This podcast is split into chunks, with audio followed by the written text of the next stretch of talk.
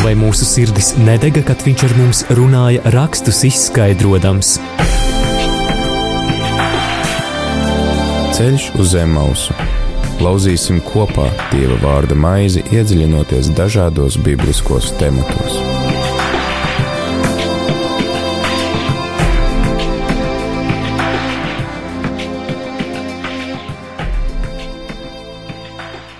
Rādījumā arī Latvijas klausītāji ceļš uz Emausu, raidījums kā jau katru ceturtdienu, pulksten piecos ar tevi ēterā priesteris Pēteris Skudru, un šoreiz ā, mēs būsim divatā ar Māri. Sveiks, Māri! Sveiks, priesteri Pēteri! Sveicinu arī visus radio klausītājus ceturtdienas vakarā. Jā, tad ā, mums ā, parasti šeit nāk dažādi viesi, mācītāji no dažādām konfesijām. Māris nav mācītājs, bet mums atkrita kāds viesis, kurš diemžēl pēdējā brīdī nevarēja ierasties, tad mēs nolēmām ar Māri divatā turpināt šo ierasto mūsu raidījumu ciklu, jo esam iesākuši lasīt jau pagājušo sezonu radīšanas grāmatu esam nonākuši līdz 46. nodaļai. Tuvojamies pamazām beigām. Jau, jau pašas beigas, jā, faktiski vēl, vēl dažas nodaļas, daži raidījumi palikuši. Tad jau ķersimies klāt otrajai mūzes grāmatai, sauktu par izceļošanas grāmatu, bet vēl līdz tam ir jānonāk. Šobrīd mēs vēl joprojām esam kopā ar Jāzepu un viņa brāļiem. Mēs esam ļoti ilgi jau kopš jaunā gada runājuši par Jāzepu, par to, kā brāļi viņu pārdod verdzībā, par to, kā, kā, kādiem pārbaudījumiem viņam ir jāiziet cauri, kādiem arī kārdinājumiem, lai pēc tam varētu kļūt par zemes, nu, var teikt, glābēju. Viņš kļūst par, viņš kļūst par Ēģiptes pārvaldnieku, kas izglābj tā laika pasauli no bada, pateicoties savai attapībai, savai gudrībai un arī šai dieva dāvātajai spējai skaidrot sapņus un paredzēt notikumus. Māri, tu esi noteikti vairāk kārt lasījis stāstu par Jāzepu un viņa brāļiem.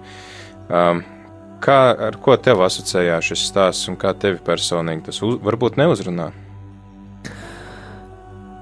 Man šķiet, ka Jāzepa stāsts ir viens no vispazīstamākajiem stāstiem no vecās derības, kuru iespējams pazīst arī cilvēki, kuri varbūt sevi neuzskata par kristiešiem. Mēs zinām, ka šis stāsts ir atspoguļots un dažādi interpretēts arī literatūrā. Mēs zinām Raina Jāzepa un brāļus, arī Tomas Mans, Jāzeps un viņa brāļi. Šī tēma, kas ir notikumu dažādiem pavērsieniem bagāta, acīm redzot, ir fascinējusi dažādas paudzes, bet es domājot par Jāzepu, par viņa stāstu, pirmkārt atceros, man šķiet, es mācījos pirmajā vai otrajā, nē, laikam pirmajā klasē, es izlasīju bērnu bībeli, un tad, tad nu, toreiz tas Jāzepa stāsts, viņa iemešana cietumā, man uh, uzlūkojot arī tās krāšņās bildes, eh, bērnu bībeles izdevumā izraisīja tādas krāšņas asociācijas. Eh, Kas kā, bija par filmu. asociācijām? Es iztēlojos, kā viņš cietumā sēž, un man, man ir pilnīgi tagad pat pārņem kaut kāda īpaša tāda sajūta, kā es, kā, kā filmas režisors, ja es tāds būtu, būtu iztēlojies tieši šo gadījumu. Bet, eh, protams, kā bērns es uztvēru tikai to ārējo notikumu secību, kas ir aizraujoša, mm, piedzīvojumiem bagāta, bet šobrīd es droši vien šo stāstu īpaši novērtēju par to, ka tas palīdz mums apzināties, ka Dievs spēj darboties caur dažādiem mūsu dzīves pavērsieniem, ka tas nenoteikti ir uh, tā nenoteikti ir tāda pārdabiska krāšņa dieva iejaukšanās, kā tas ir Sinaja kalnā, kur dievs atmirdzot zibeņiem nāk un atklājās mūzum. Bet uh, dievs šeit ir klusiņām klātesošs, visā, ko Jāzeps piedzīvo, gan priekos, gan bēdās, gan izrādās tajā brīdī, kad varbūt Jāzeps absolūti nespēja apzināties dieva klātbūtni, kad brāļi pret viņu izrīkojās nekrietni, pārdot viņu, un tad eh, šī stāsta beigās mēs vēl līdz tam nokļūsim kādam, kādā no nākamajiem raidījumiem. Mēs redzēsim, ka visi šie notikumi saslēdzās tādā loģiskā ķēdītē, un visbeidzot parādās, kāpēc Dievs to visu ir pieļāvis. Un tad nu mūsu dzīvē, arī tavā dzīvē, klausītāji, bieži vien arī ir situācijas, kur tev nav pieejama tūlītēja atbilde, kāpēc Dievs to pieļauj manā dzīvē, bet uh, tad, nu, šī stāsta noslēgumā ir tā, it kā mēs pēkšņi ieraugām to pilno panorāmu un, un ieraugām, ka šīs Jāzepa ciešanas, visus viņa dzīves apstākļus Dievs ir īpašā veidā lietojis kaut kam labam, lai viņa dzimta izdzīvot un galu galā pat viņa brāļi, kas pret viņu ir izrīkojušies nekrietni, tiek svētīti. Tad tas, tā tava asociācija ir ar, saistīta ar to, ka mēs varam apzināties Dieva klātbūtni arī tajos brīžos, kad liekas, ka viss jūk un brūk un liekas bezjēdzīgi, ka tomēr tam ir kaut kāda jēga, un pat ja mēs neredzam to tajā kopainā. Jā, varbūt eh, konkrētajā mirklī ir grūti sajust to dieva klātbūtni, bet eh, es domāju, ka šis stāsts var mums sniegt varbūt tādu tīri intelektuālu mierinājumu, eh, kas ļauj mums paraudzīties uz mūsu pašreizējām neskaidrajām situācijām un vienkārši noticēt, vienkārši pieņemt, ka Dievs, tu šeit esi, tu biji ar Jāzepu, tu esi ar mani, un uh, galu galā tu zini, kādu labumu tu no tā izvilksi. Man nav ne jausmas, bet uh, tev viss ir iespējams. Man liekas, ka arī skatoties uz šiem piemēriem, mēs varam teikt, labi, ja Dievs nepievīla šo cilvēku vai šo cilvēku vai šo cilvēku, tad diez vai viņš arī mani pievils. Un tas man dod tādu drošību, ka es tad arī varu paļauties, ka labi, man tagad ir situācija, kur es vispār nesaprotu, kāpēc, kas un kā notiek, bet viens ir skaidrs, ka tas noteikti nebeigsies slikti. Jā. Paldies, Māri. Jā, tad klausītāji, um, arī tu vari tad, uh, iedziļināties šajā stāstā, šajos raidījumos un pārdomāt, kas tevi uzrunā, kas tevi aizrauj uh, Jāzepa stāstā un kas tev liek aizdomāties, varbūt, kas ir tās lietas, ko tu vēlēsi pēc tam pārunāt ar Dievu, mm, lasot šo stāstu. Man, Māri, liekas viss interesantākā tā atziņa šajā stāstā ir tā, ko mēs lasījām pagājušo nedēļu ar klausītājiem. Tas bija 45. nodaļā, kur Jāzeps saka saviem brāļiem: Neesiet drūmi un nedusmojiet uz sevi par to, ka pārdevāt mani uz šejieni, jo Dievs man ir sūtījis jums pa priekšu, lai mēs dzīvotu. Tas ir 5. pantā, un pēc tam 7. pantā viņš saka, Dievs man ir sūtījis jums pa priekšu, lai jūs izglābtu uz zemes, lai jūs paliktu dzīvi un daudzi izglābtos. Tad, nu, ne jūs mani uz šejienes sūtījāt, bet Dievs, ka arī visos šajos notikumos viņš saskata to Dieva vadību, kas man liekas tāds arī tāds ļoti nobriedušas ticības apgalvojums ir. Ka visam tam, kam tas izgājis cauri, tu spēj pateikt, ka lūk, mani Dievs atsūtīja uz šejienu. Šodien raidījumā mēs eh, turpināsim lasīt Jāzepa stāstu, un eh, šoreiz pievēršamies 46. Eh, nodaļai. Dzirdēsim par patriarhu Jēkabu, kurš ar visu saimi pārceļas no Kanānas zemi uz Ēģipti. Un... Jā, tad klausītāji, tu noteikti vari paņemt rokās savus svētos rakstus vai sameklēt svēto rakstu aplikāciju un atšķirt eh, radīšanas grāmatas, kas ir arī saukta par pirmo mūzus grāmatu 46. nodaļu, un mēs lasīsim līdz 47. nodaļas 12. pantam.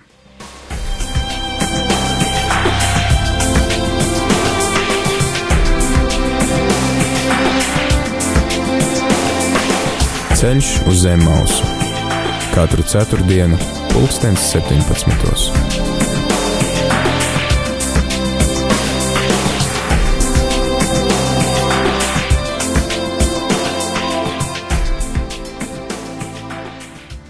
Izraels devās ceļā kopā ar visu, kas tam bija, nonāca Bēršebā un upurēja kaujamo upuri sava tēva Īzaka dievam. Dievs teica Izrēlam nakts redzējumā: Jēkab, Jēkab, un viņš sacīja: Es te. Viņš teica: Es esmu Dievs, tava tēva Dievs. Nebīsties iet uz Ēģipti, jo es tevi tur darīšu par lielu tautu. Kopā ar tevi es iešu uz Ēģipti, un es tevi atkal atvedīšu atpakaļ. Un Jāzeps vēl uzliks roku taviem plakstiem. Un Jēkabs devās projām no Bēršebas, un Izraēla dēli veda savu tēvu Jēkabu, savus mazuļus un sievas ratos, kurus faraons bija sūtījis, lai viņu atvestu. Un viņi ņēma līdzi arī savus lopus un mantību, ko bija ieguvuši Kanāna zemē, un viņi nonāca Eģiptē. Jēkabs un visi viņa pēcnācēji kopā ar viņu viņa dēli un viņa dēlu dēli kopā ar viņu, viņa meitas un viņa dēlu meitas. Visus savus pēcnācējus viņš atveda sev līdzi uz Eģipti. Šie ir to Izrēla dēlu vārdi, kuri atnāca uz Eģipti. Jēkabs un viņa dēli, Jēkaba pirmdzimtais Rūbens, un Rūbena dēli Hanohs un Paulu, un Hecrons un Karmī, un Šimona dēli Jemuēls un Jāmins, un Ohats un Jāhīns un Cohars un Sauls, kanānietes dēls. Un Levī dēli, Gēršons un Kehāts un Merārī, un Jūdas dēli, Gērs un Onāns un Šēla un Perets un Zeraks Gērs, un Onāns nomira Kanāna zemē. Pereca dēli bija Hecrons un Hāmuls, Jissašhara dēli Tola un Puva un Jops un Šimrons, un Zebulona dēli Serets un Elons un Jahlēls Šie ir Lēls dēli, kurus viņa dzemdēja Jēkabam Pādana Arāmā, un vēl viņa meita Dīna, viņa dēli un viņa meitas kopā 33. Un gāda dēli - Cipjons un Hagī un Šūnī un Ecbons un Ērī un Ārots un Arēlī. Un Ašēra dēli - Jimna un Jišva un Jišvī un Berija un viņu māsa Seraha, un Berijas dēli - Hebers un Malkiēls. Šie ir Zilpas dēli - Viņu Lābans deva savai meitai Lējai, un šos viņa dzemdēja Jēkabam kopā 16 ļaužu. Jēkaba sievas Rāheles dēli Jāzeps un Benjamīns. Eģiptes zemē Jāzepam tika dzemdēti Manes un Efraims, kurus viņam dzemdēja Asnāte Onas priestera Potīperas meita, un Benjamīna dēli Bela un Behers un Ašbēls un Gēra un Nāmāns un Ehī un Rošs un Mupīms un Hupīms un Ārts, Šie ir Raheles dēli, kurus viņa dzemdēja Jākabam, visi ļaudis kopā 14. Un Dāna dēls Hušīms, un Naftalī dēli Jahcēls un Gūnī un Jēcers un Šillēms. Šie ir Bilhas dēli, viņu Lābans deva savai meitai Rāhelē, un šos viņa dzemdēja Jākabam, visi ļaudis kopā septiņi.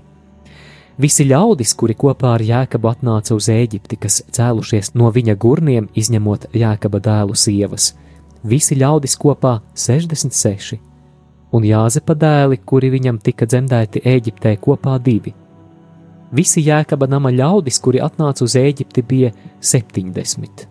Jūdu viņš sūtīja sev pa priekšu pie Jāzepa, lai tas rādītu, kur Gošene, un viņi nonāca Gošenes zemē Jāzeps sajūdza savus ratus un devās ceļā, lai Gošanē sastaptos ar savu tēvu Izrēlu. Viņš to ieraudzīja, krita viņam ap kaklu un ļoti raudāja, apķēries viņam ap kaklu. Un Izrēls teica Jāzepam: Tagad es varu mirt, kad esmu redzējis, ka tu vēl esi dzīvs. Un Jāzeps teica saviem brāļiem un sava tēva namam: Es došos un stāstīšu faraonam. Pie manis ir atnākuši mani brāļi un mana tēva nams, kas dzīvoja Kanāna zemē. Šie ļaudis ir lopu gani, tie vienmēr bijuši ganāmpulka ļaudis, un tie ir paņēmuši sev līdzi savas avis, un ir un vēršus un visu, kas vien tiem ir. Un kad faraons jūs sauks un jautās, ko jūs darāt, tad sakiet, tavi kalpi ir bijuši ganāmpulka ļaudis kopš savas jaunības līdz šim brīdim, gan mēs, gan mūsu tēvi. Tas tādēļ, lai jūs varētu apmesties Gošenes zemē, jo ik viens, kas gana lopus, Eģiptē skaitās pretīgs. Jāzeps gāja un stāstīja faraonam: No kanāna zemes ir atnācis mans tēvs un mani brāļi, un viņu avis un viņu vērši, un viss, kas tiem ir, un redzi, tie ir Gošenes zemē. Viņš bija paņēmis piecus no saviem brāļiem un tos stādīja priekšā faraonam. Un faraons jautāja viņa brāļiem, ko jūs darāt? Un viņa teica faraonam: Tavi kalpi ir avju gani, gan mēs, gan mūsu tēvi.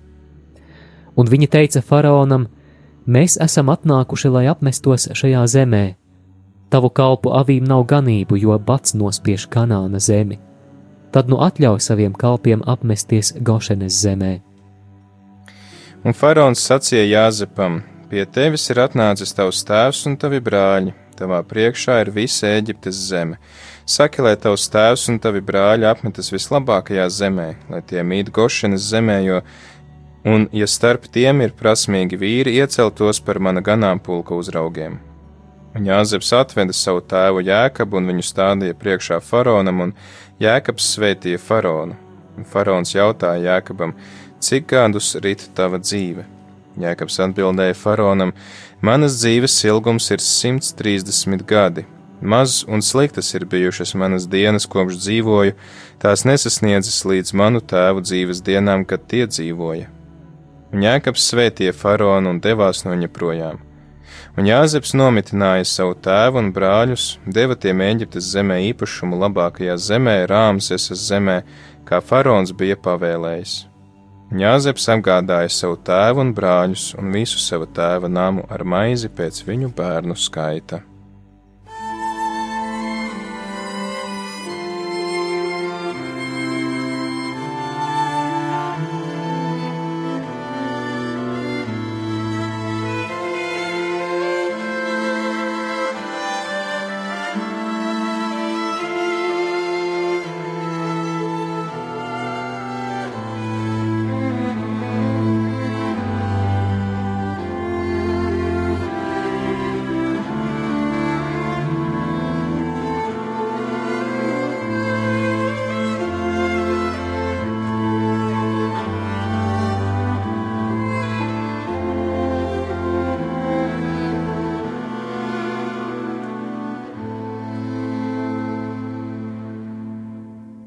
Mēs atgriežamies atpakaļ ēterā, nu pat dzirdējām tad, šo atkal satikšanās stāstu, kas man liekas ļoti aizkustinoši. Tas, ka beidzot tēvs var satikt savu dēlu, kur, par kuru viņš ir domājis ilgu laiku, ka tas ir miris, ka viņi ir saplosījuši zvēri, viņš beidzot redz savu dēlu sveiku un veselu. Tad tas laiks, ko viņš būtu dzīvojis ar šo domu par to, ka viņa dēls ir miris, būtu nu, teju, teju 20 gadi, pat vairāk, jo 17 gadu vecumā mēs lasījām, ka Jāzeps tiek pārdots verdzībā, 11 gadus viņš kalpo šī eģiptiešu virsnieka namā, kur viņam arī bija jāpiecieš eh, šīs eģiptiešu virsnieka sievas uzmākšanās, un eh, kuras dēļ viņš tad tika iemests cietumā. Eh, cietumā viņš sastop šos divus kalpus, kuri ir iemesti cietumā no faraona galma. Tad viņš viņiem saka, jūs, ka tiksiet ārā, atcerieties par mani. Vēl divus gadus viņš ir spiests palikt uh, cietumā, jo, protams, ka dzērienu padevējs aizmirst par Jāzepu, ka viņš viņam ir arī devis šo mierinājumu ar sapņu skaidrošanu līdz brīdim, kad faraons redz sapņus, un interesanti, ka tad, kad Jāzeps tiek saukts faraona priekšā, skaidrot sapņus, un kad viņš uzsāks savu kalpošanu kā Eģiptes zemes pārvaldnieks, viņš ir 30 gadus vecs, tāds simbolisks skaitlis, svētajos rakstos, un tad, jā, seko septiņi šie uh, Treknie gadi. gadi, jā, kas mums arī ir latviešu, jau var teikt, folklorā iegājis teiciens. Un pēc septiņiem trekniem gadiem sākās uh, bada gadi, un uh, tad arī Jāzeps, kad atklājās saviem brāļiem, viņš saka, ka vēl pieci gadi šis bats būs, nāciet dzīvot šeit uz Ēģipti, tad mēs varam secināt, ka viņš ir 39 gadus vecs, kad beidzot jā, viņš sastopas savu tēvu. Tātad no 17 gadu vecuma līdz 39 gadu vecumam viņš ir dzīvojis šķirti no savas ģimenes, līdz viņš sastopa atkal savus brāļus un savu tēvu, kas ļoti priecājās viņu sastapt. Šajā 46. nodaļā, kuru pirms brīža lasījām, mēs uh, lasām un arī nojaušam par to, cik emocionāla un aizkustinoša varēja būt eh, tēva un dēla tikšanās. 29. un 30. pantā mēs lasām, ka Jāzeps sajūta savus ratus un devās ceļā, lai Gošanai sastaptos ar savu tēvu Izrēlu. Viņš to ieraudzīja, krita viņam ap kaklu un eh, ļoti raudāja, apķēries viņam ap kaklu. Un Izrēls teica Jāzepam: Tagad es varu mirt, kad esmu redzējis, ka tu vēl esi dzīvs. Jā, vēl, vēl kādu laiku viņš uh, dzīvos un varēs priecāties par, uh, priecāties par uh, saviem bērniem, mazbērniem un arī mazmazbērniem, kas svētajos rakstos ir tāds uh, nu, pārticības un dieva svētības simbols. Jā. Piemēram, psalms par to, ka tavi dēli būs kā uh, bultas tavā karotāja somā, kas tev neliks kaunēties. Tātad šīs ģimenes, kupla ģimene ir kā tāda dieva svētība, kas tātad, ka tas ir dievam patīkams cilvēks, teiksim, daudzi, daudzi tā laika cilvēki tieši šādi uztvēra to dieva svētība, dieva svētība nāk caur šiem pēcnācējiem, tāpēc, piemēram, Ābrahama stāsts ir tik var teikt, traģisks, ka viņam nav šī pēcnācēja, viņš tik ļoti par to arī pārdzīvo. 128. psalmā, kas ir viens no augšupceļa psalmiem, ir eh, teikts: eh, Svētīgs tu un labi tev, tava sieva kā auglīgs vīna dēsts tavā namā, tavi dēli kā olīvu dēsti ap tavu galdu. Redzi, kā svētīts vīrs, kas bijā kungu. Jā, un šis, kas man liekas arī um, interesanti ir šī saistība, ar, par kuru mēs runājām diezgan daudz iepriekšējā raidījumā. Māri, vai tu esi domājis par to, kā Jēka, Jāzeps ir um, Kristus simbols? Jā, es, es esmu. Es nezinu, ko par to ir rakstījuši baznīcas tēvi, bet. Uh, kas ir varbūt tās lietas, kas tev pirmās nāk prātā, kur Jāzeps simbolizē Kristu, kur viņš kalpo kā tāds pirmtēls Kristum? Man šķiet, ka tajā faktā, ka viņš tiek nodots, viņš eh, praktiski tiek atdots nāvē. Labi, tā nāve neiestājās, viņš tiek pārdots, bet uh, caur, caur pāri nodarījumu, kas ir vērsts pret Jāzepu, tad uh, paši pāri nodarītāji, proti viņa brāļi, vēlāk piedzīvo glābšanu, kas nav Eh, glābšana tādā garīgā nozīmē, bet tīri ekonomiski sociālā nozīmē. Un uh, es domāju, ka tas varētu būt kā tāds eh, Kristus upura priekštēls. Vai tu kaut ko zini par šo vairāk? Jā, arī, arī tas vecums, kad, je, kad Jāzeps sāka darboties Eģiptes zemē, ir 30 gadi. Jā, un Jēzus sāk darboties arī publiski 30 gadu vecumā. Un šī sastapšanās ar brāļiem un arī tā maizes dāvāšana, ka Jāzeps ir tas, kurš dod maizi visai pasaulē, viņš baro visu pasauli. Un arī Jēzus, kas par sevi saka, es esmu dzīvības maize, kas nāk pie manis, tas nekad nebūs izsalcis, un arī šie brāļi, kas nāk pie Jāzepa, viņi nekad nav izsalkuši, jo Jāzeps ir parūpējies par maizi, kas būs. Um, Tad arī e, šī nākšana no badas kartās Kanānas zemes, viņa nāk uz Ēģiptes zemi, šo Gošenas zemi, kas ir auglīga zeme. Mēs arī iepriekšējā raidījumā runājam par to, ka šis vārds Gošena ja, tad, tad, nozīmē tāds apstrādājums, uh, kas ir kultivēts, tātad, kas ir auglīga, kurā var uh, veikt nu, visus šos zemkopju darbus un audzēt arī tos lopus. Uh, Tātad var teikt, ka viņi tā kā no šīs nabadzības, no šī bada ienāk pārticībā. Gan nākamajā grāmatā, ko mēs lasīsim, tur būs otrādāk. Tad Eģipte kļūs par verdzības zemi, kas mūs sasaista, un pēc tam tad atkal tā kanāna zeme kļūs par jā, to brīvības zemi, par to apsolīto zemi, kas simbolizē tātad šī dzīve ar Kristu ir tā, kur mums nekā netrūkst. Man šķiet zīmīgi, ka 46. nodaļas 3. un 4. pantā Dievs arī Jēkabu, kurš ir gatavs jau pārcelties pie sava dēla Jāzepa uz Eģipti, viņš viņam atgādina, ka viņa apsolījumi par Kanāna zemi, kas tiek dota mantojumā viņa dzimtai, kas jau tika apsolīta viņa vectēvam Ābrahamam, vēlāk arī Īzakam un vēlāk viņam pašam, ka šis apsolījums paliek spēkā. Un pat tad, ja šie dzīves pavērsieni aizved visu dzimtu uz Ēģipti, ka runa šeit ir nevis par kaut kādu uh, pastāvīgu pārcelšanos, un eh, šeit it nemaz runa nevar būt par to, ka Dievs pēkšņi būtu kaut ko pārdomājis, ka viņš ir mainījis plānus.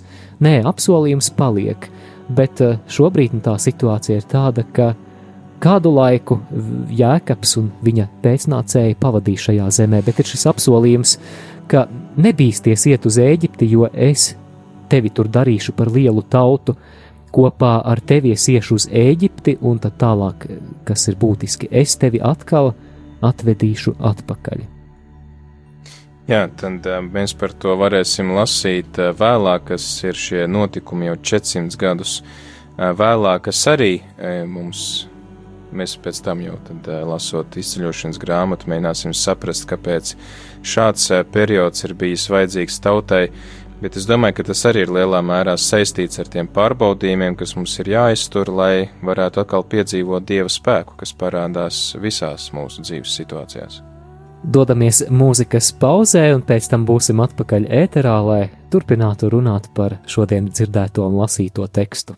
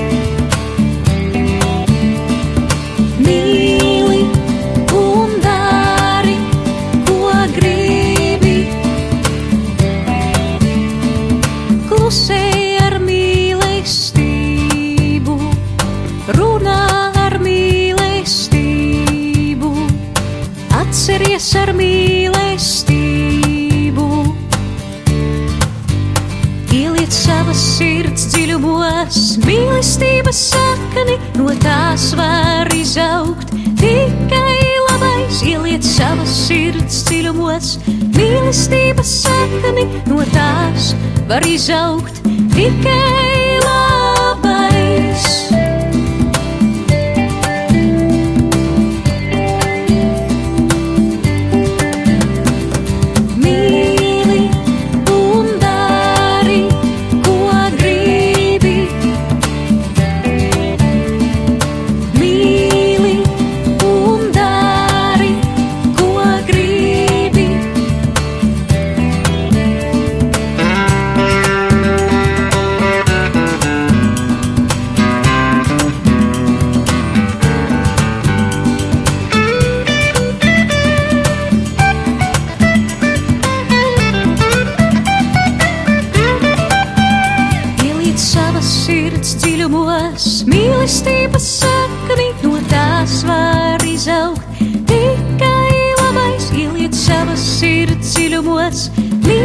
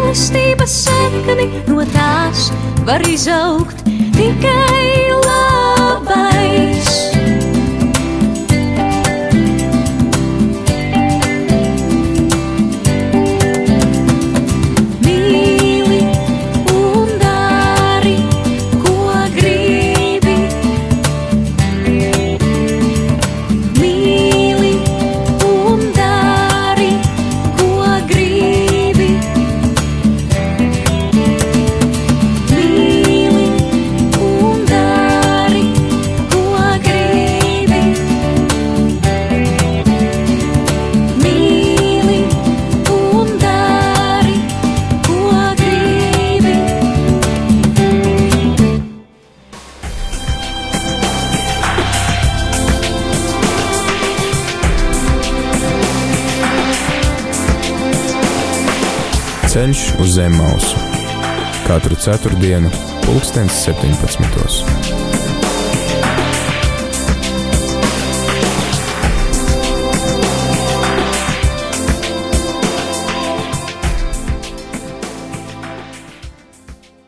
Darbie radio klausītāji, esam atpakaļ ēterā. Mēs turpinām raidījumu ceļš uz zemmausu, un mēs turpinām lasīt radīšanas grāmatas 46. nodaļu un 47. nodaļā arī līdz 12. pantam.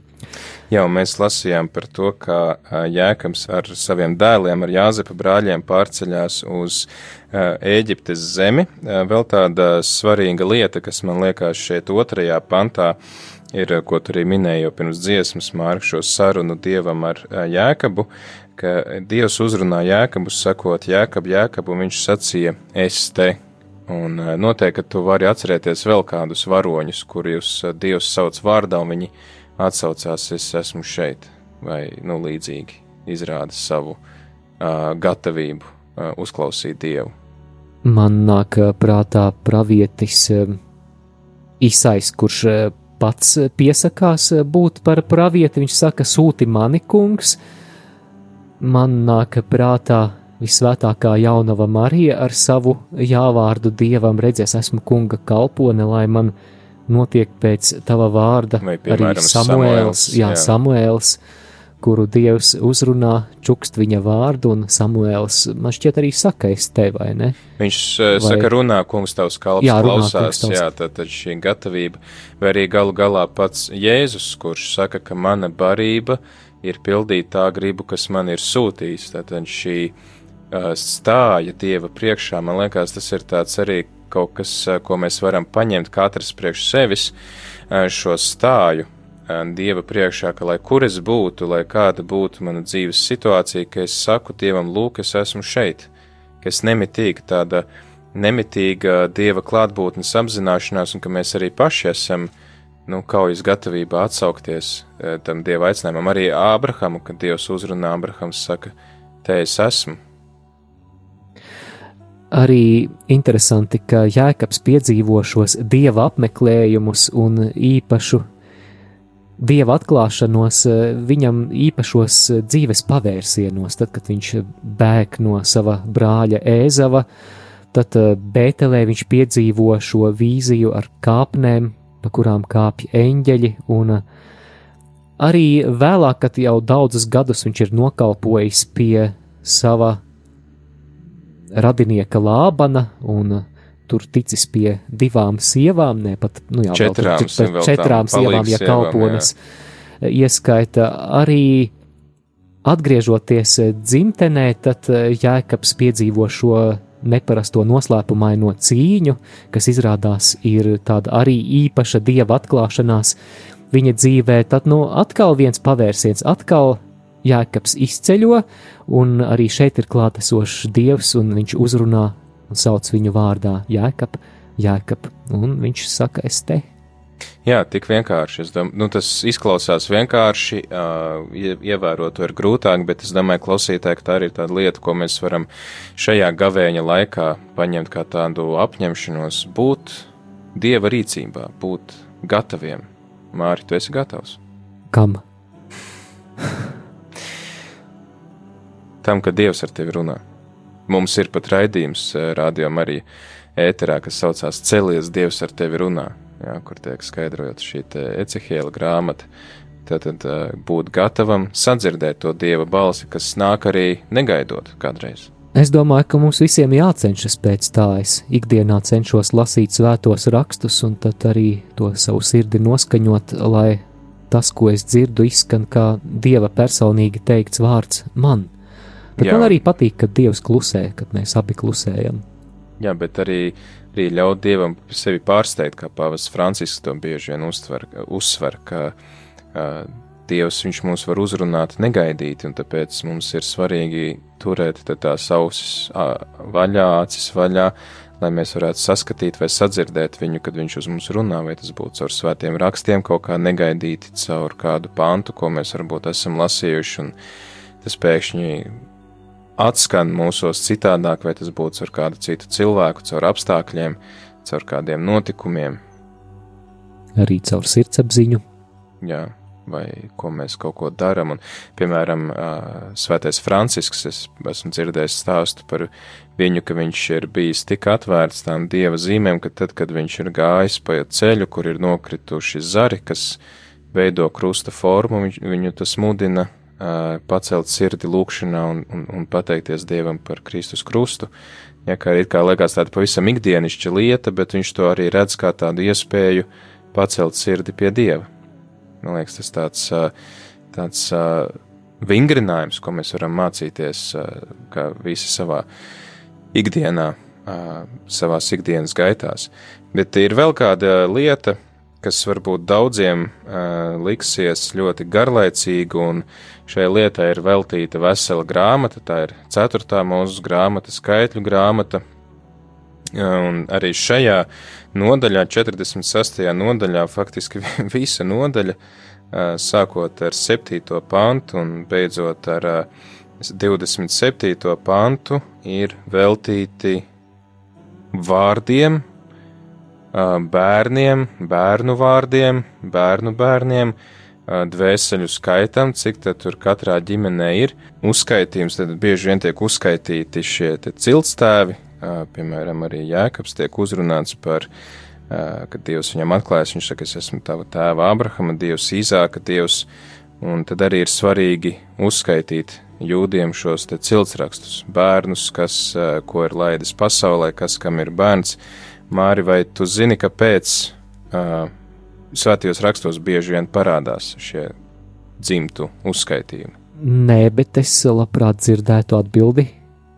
Jā, tad uh, tas ir saistīts uh, viens no skaidrojumiem, kāpēc tas ir uh, tik bieži svētajos rakstos, ka tas ir saistīts arī ar svēto rakstu tapšanas procesu.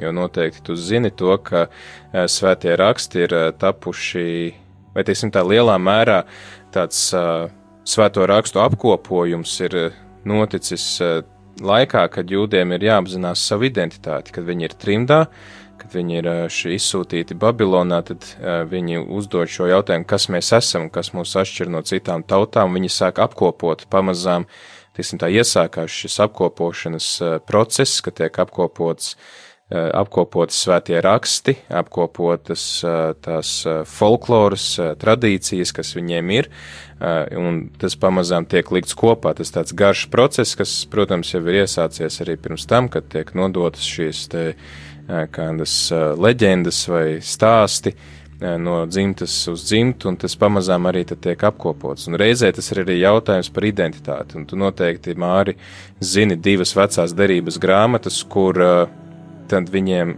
kad jūdi atgriežas atpakaļ no verdzības, tad viņiem ir sākumā jāpierāda savi ciltsraksti, lai viņi varētu piedalīties tempļa atjaunošanā un ka viņi varētu pierādīt to, ka viņi pieder jūdu tautai. Tu domā kronikas, kroniku vai laiku grāmatas?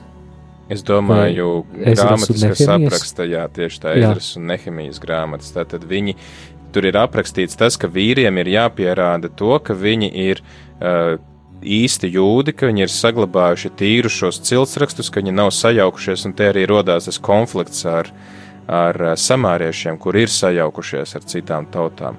Un tāpēc arī šajās grāmatās nu, tas ir viens no skaidrojumiem, kas parādās, ka tā arī vesela pēc tam skaitļu grāmata, ceturtā grāmata ir tam veltīta. Tātad šie ciltsraksti arī Jēzus, tad, kad mēs piemēram lasām evaņģēliju sākumu, Jēzus arī ir ciltsraksti aprakstīti, sākot jau ar Ādamu un beidzot ar viņu. Ja, tā tad lūk, te ir viņa ciltsraksti, mēs varam izsekot viņa līnijai, ka viņš ir tiešām Dāvida pēcnācējs, ka viņš ir tiešām Ābrahama pēcnācējs, ka viņš tiešām ir Ādama pēcnācējs. es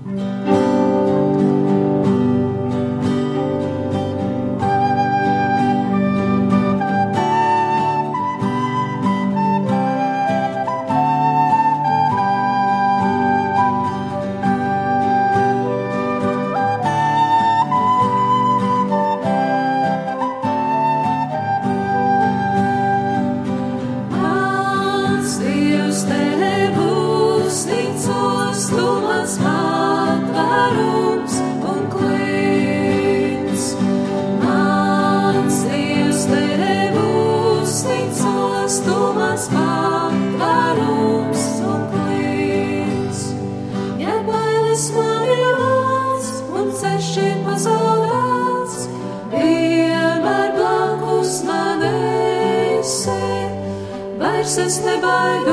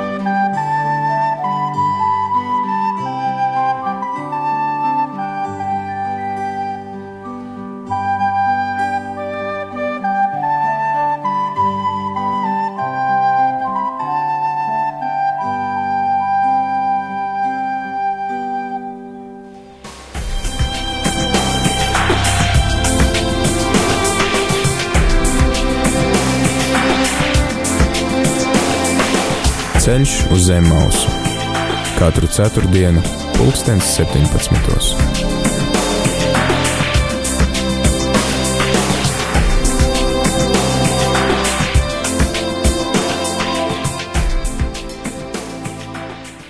Labi, esam atpakaļ ēterā. Klausītāji, šodien mēs runājam par Jēkaba ierašanos um, ar visiem bērniem un bērnu bērniem un arī vēl mazmaz bērniem Ēģiptes zemē, Gošinas zeme, kas tā tad ir Ēģiptes ziemeļu daļa, kas atrodas pie Nīlas iztekas jūrā, kas ir arī tāda auglīga zeme, kuru Jāzeps arī apsola saviem brāļiem, ka viņi var to ņemt. Un mēs iepriekš pārunājām gan par šo atkal satikšanās prieku, mēs pārunājām par šo jēkaba gatavību vienmēr būt um, gatavam stāties Dieva priekšā, tad, kad Dievs viņu sauc. Mēs pārunājām arī to, ka jūdiem ir ārkārtīgi svarīgi šie dzimtas uzskaitījumi, un viņi varbūt mums var likties garlaicīgi, bet ja mēs iedziļinamies, piemēram, arī Jēzus dzimtas uzskaitījumā šajā aprakstā, ka mēs pievēršam uzmanību katram pieminētiem personāžam, tad mēs patiesībā varam atklāt ļoti uh, daudz, ko tāds viens dzimtas uzskaitījums mums var atklāt. Kaut vai, ja mēs, piemēram, lasītu Jēzus cilts koku, tad mēs redzētu, ka tur ir gan pagāni, ka tur ir arī tādi cilvēki, no kuriem citi varbūt kaunētos savā cilts kokā, bet mēs redzam, ka Jēzus tātad ienāk šajā pasaulē, nekaunoties no tās vides, no tās pasaules, kurā viņš nāk, un ka tajā pašā laikā viņš var uh, pildīt savu, uh, savu misiju, un tas arī var, piemēram, mums būt kā tāds stiprinājums, lai arī kāda būtu mūsu tā pagātne, lai kāda būtu mūsu dzimta vai tauta, no kuras mēs nākam, mēs tomēr varam būt Dieva klātbūtnē, līdzīgi kā Jēkabs teikt, lūk, es šeit. Jūdiem tas bija identitātes jautājums, tātad pierādīt to, ka mēs esam šie, šo izcilo patriarhu pēcteči, kas ir Abrahams, uh, Īzāks un Jēkabs, un tad, tad bija svarīgi piedā, pierādīt kā piederību kādai no šīm uh, 12 ciltīm. Tad uh, mēs arī redzam šī stāsta noslēgumā to, ka Jēkabs apmetās tad šajā ziemeļu teritorijā, Gošenes zemē, un viņš arī saņem no Jāzepa tādu norādījumu, ka teikt, ka viņi ir lopu gani, un uh, tāpēc viņi arī tiks atstāti šajā teritorijā, jo eģiptieši novēršās no, novēršās no uh, lopu ganiem, viņiem tas gluži vienkārši liek, liekas tāds, uh, nu, tie ir tādi otršķirīgi cilvēki. Uh, Līdzīgi kā mums šodien varētu teikt, daudziem varbūt izraisa antipātijas uh, uh, čigāni, arī tādi cilvēki, kuriem nav savas zemes, kuri ceļo apkārt, un arī ebreju tauta ir uh, tāda ceļojoša tauta, kas uh, kopj savus uh, lopus, Un līdz ar to arī eģiptiešiem, kuri vairāk ir nu, savā teritorijā, viņiem tādi staigātāji uh, liekas kaitinoši. Un tāpēc, tad, kad Jāzeps pamāca Jēkam pat jā, atklāt to, ka viņš ir lopu gans, tad viņam arī tiek iedalīta šī zeme, kas ļauj tad arī nesajaukties ar eģiptiešiem pārējā zemē. Viņi tiek nodalīti, zināmā mērā viņi tā arī tādā savā geto tiek nodalīti, ka tie tur ir tie tie klejotāji, tie tās ciltis, lai viņi tur arī turās savā starpā, un tas ļauj šai ciltī augt, šai ģimenei no 70 veselēm kļūt par neskaitāmiem tūkstošiem. Māri, varbūt mums te jau raidījums tuvojās noslēgumam, vai tu varētu tad um, uztaisīt tādu kopsavilkumu un pateikt, kas ir tās lietas, ko mēs šodien varam paņemt uh, 21. gadsimta latvieši uh, šajā dienā. Uh, tās domas, vai kā mēs varētu atsaukties un atbildēt šim dievu vārdam, ko mēs šodien esam dzirdējuši. Labi. Tātad eh, no šodienas lasītā teksta es eh, vēlos izvilkt trīs tēzes, jeb likt trīs uzsvarus. Un, uh, pirmais ir, ka Dievs ir uzticams, ka mēs varam paļauties, ka Viņa apsolījumi ir droši. Pat tad, ja to piepildīšanās nav pēc mūsu scenārija. Jēkabs eh, kaut kādā ziņā ir spiests izceļot no Kanāna zemes, kas bija jau viņa vecstāvam Ābrahamam apsolītā zeme, zeme, kas ir apsolīta visiem viņa pēcnācējiem, vai Dievs eh, ir mainījis kaut ko savos plānos? It nemaz nē, tādēļ Dievs Jēkabam šeit dot apsolījumu, ka kopā ar tevi es iešu uz Ēģipti un es tevi atkal atvedīšu atpakaļ. Pat tad, ja šķietami no tā, ko uzskatām par dieva plānu, mēs piedzīvojam it kā novirzes atkāpes, tad zinām, ka dievs visu labāk redz un ka viņa apsolījumam paliek pēdējais vārds. Mēs varam teikt dievam, tu zini, kāpēc tā notiek, Jēzu, es vienkārši uzticos tev. Tad otrā tēze, es domāju, saistībā ar to ģenealoģiju, kuras nozīmi svēto rakstu kontekstā priesteri Pēteri, tu, manuprāt, labi izskaidroji. Man šķiet, ka mums tas varētu vēstīt par nepieciešamību neaizmirst savas saknes, tātad neaizmirst savas saknes, un tas ir arī tas, ko savas vizītes Baltijas valstīs ietvaros pāvests Francisks atgādināja Latvijas tautai - neaizmirst un novērtēt savas saknes. Es domāju, ka mums tas nozīmē būt gan pateicīgiem par savām saknēm, bet arī mazliet tādā nākotnes perspektīvā apzināties, kā un cik atbildīgi es pats ar savām izvēlēm turpinu rakstīt savas dzimtas stāstu. Tātad neaizmirst savas saknes ir otrā tēze, rezumējot šīs nodaļas mācību.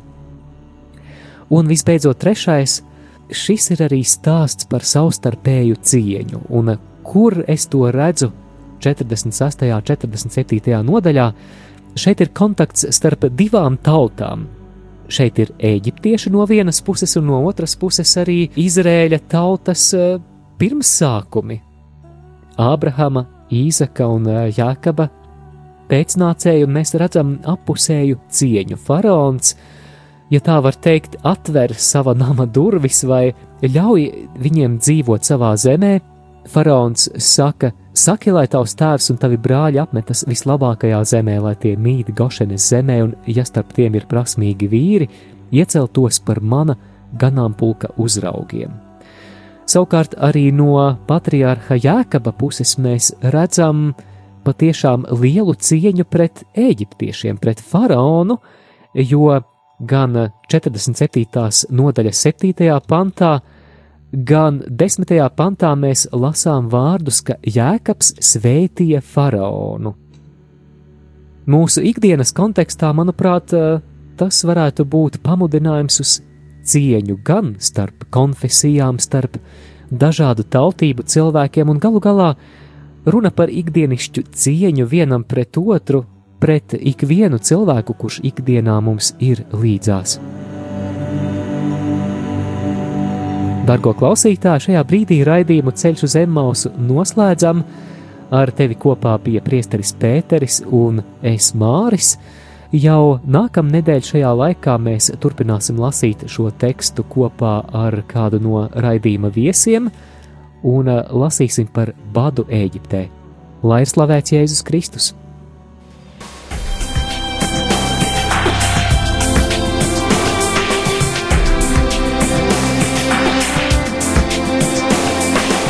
Ceļš uz zem mausu katru ceturtdienu, pulkstens 17.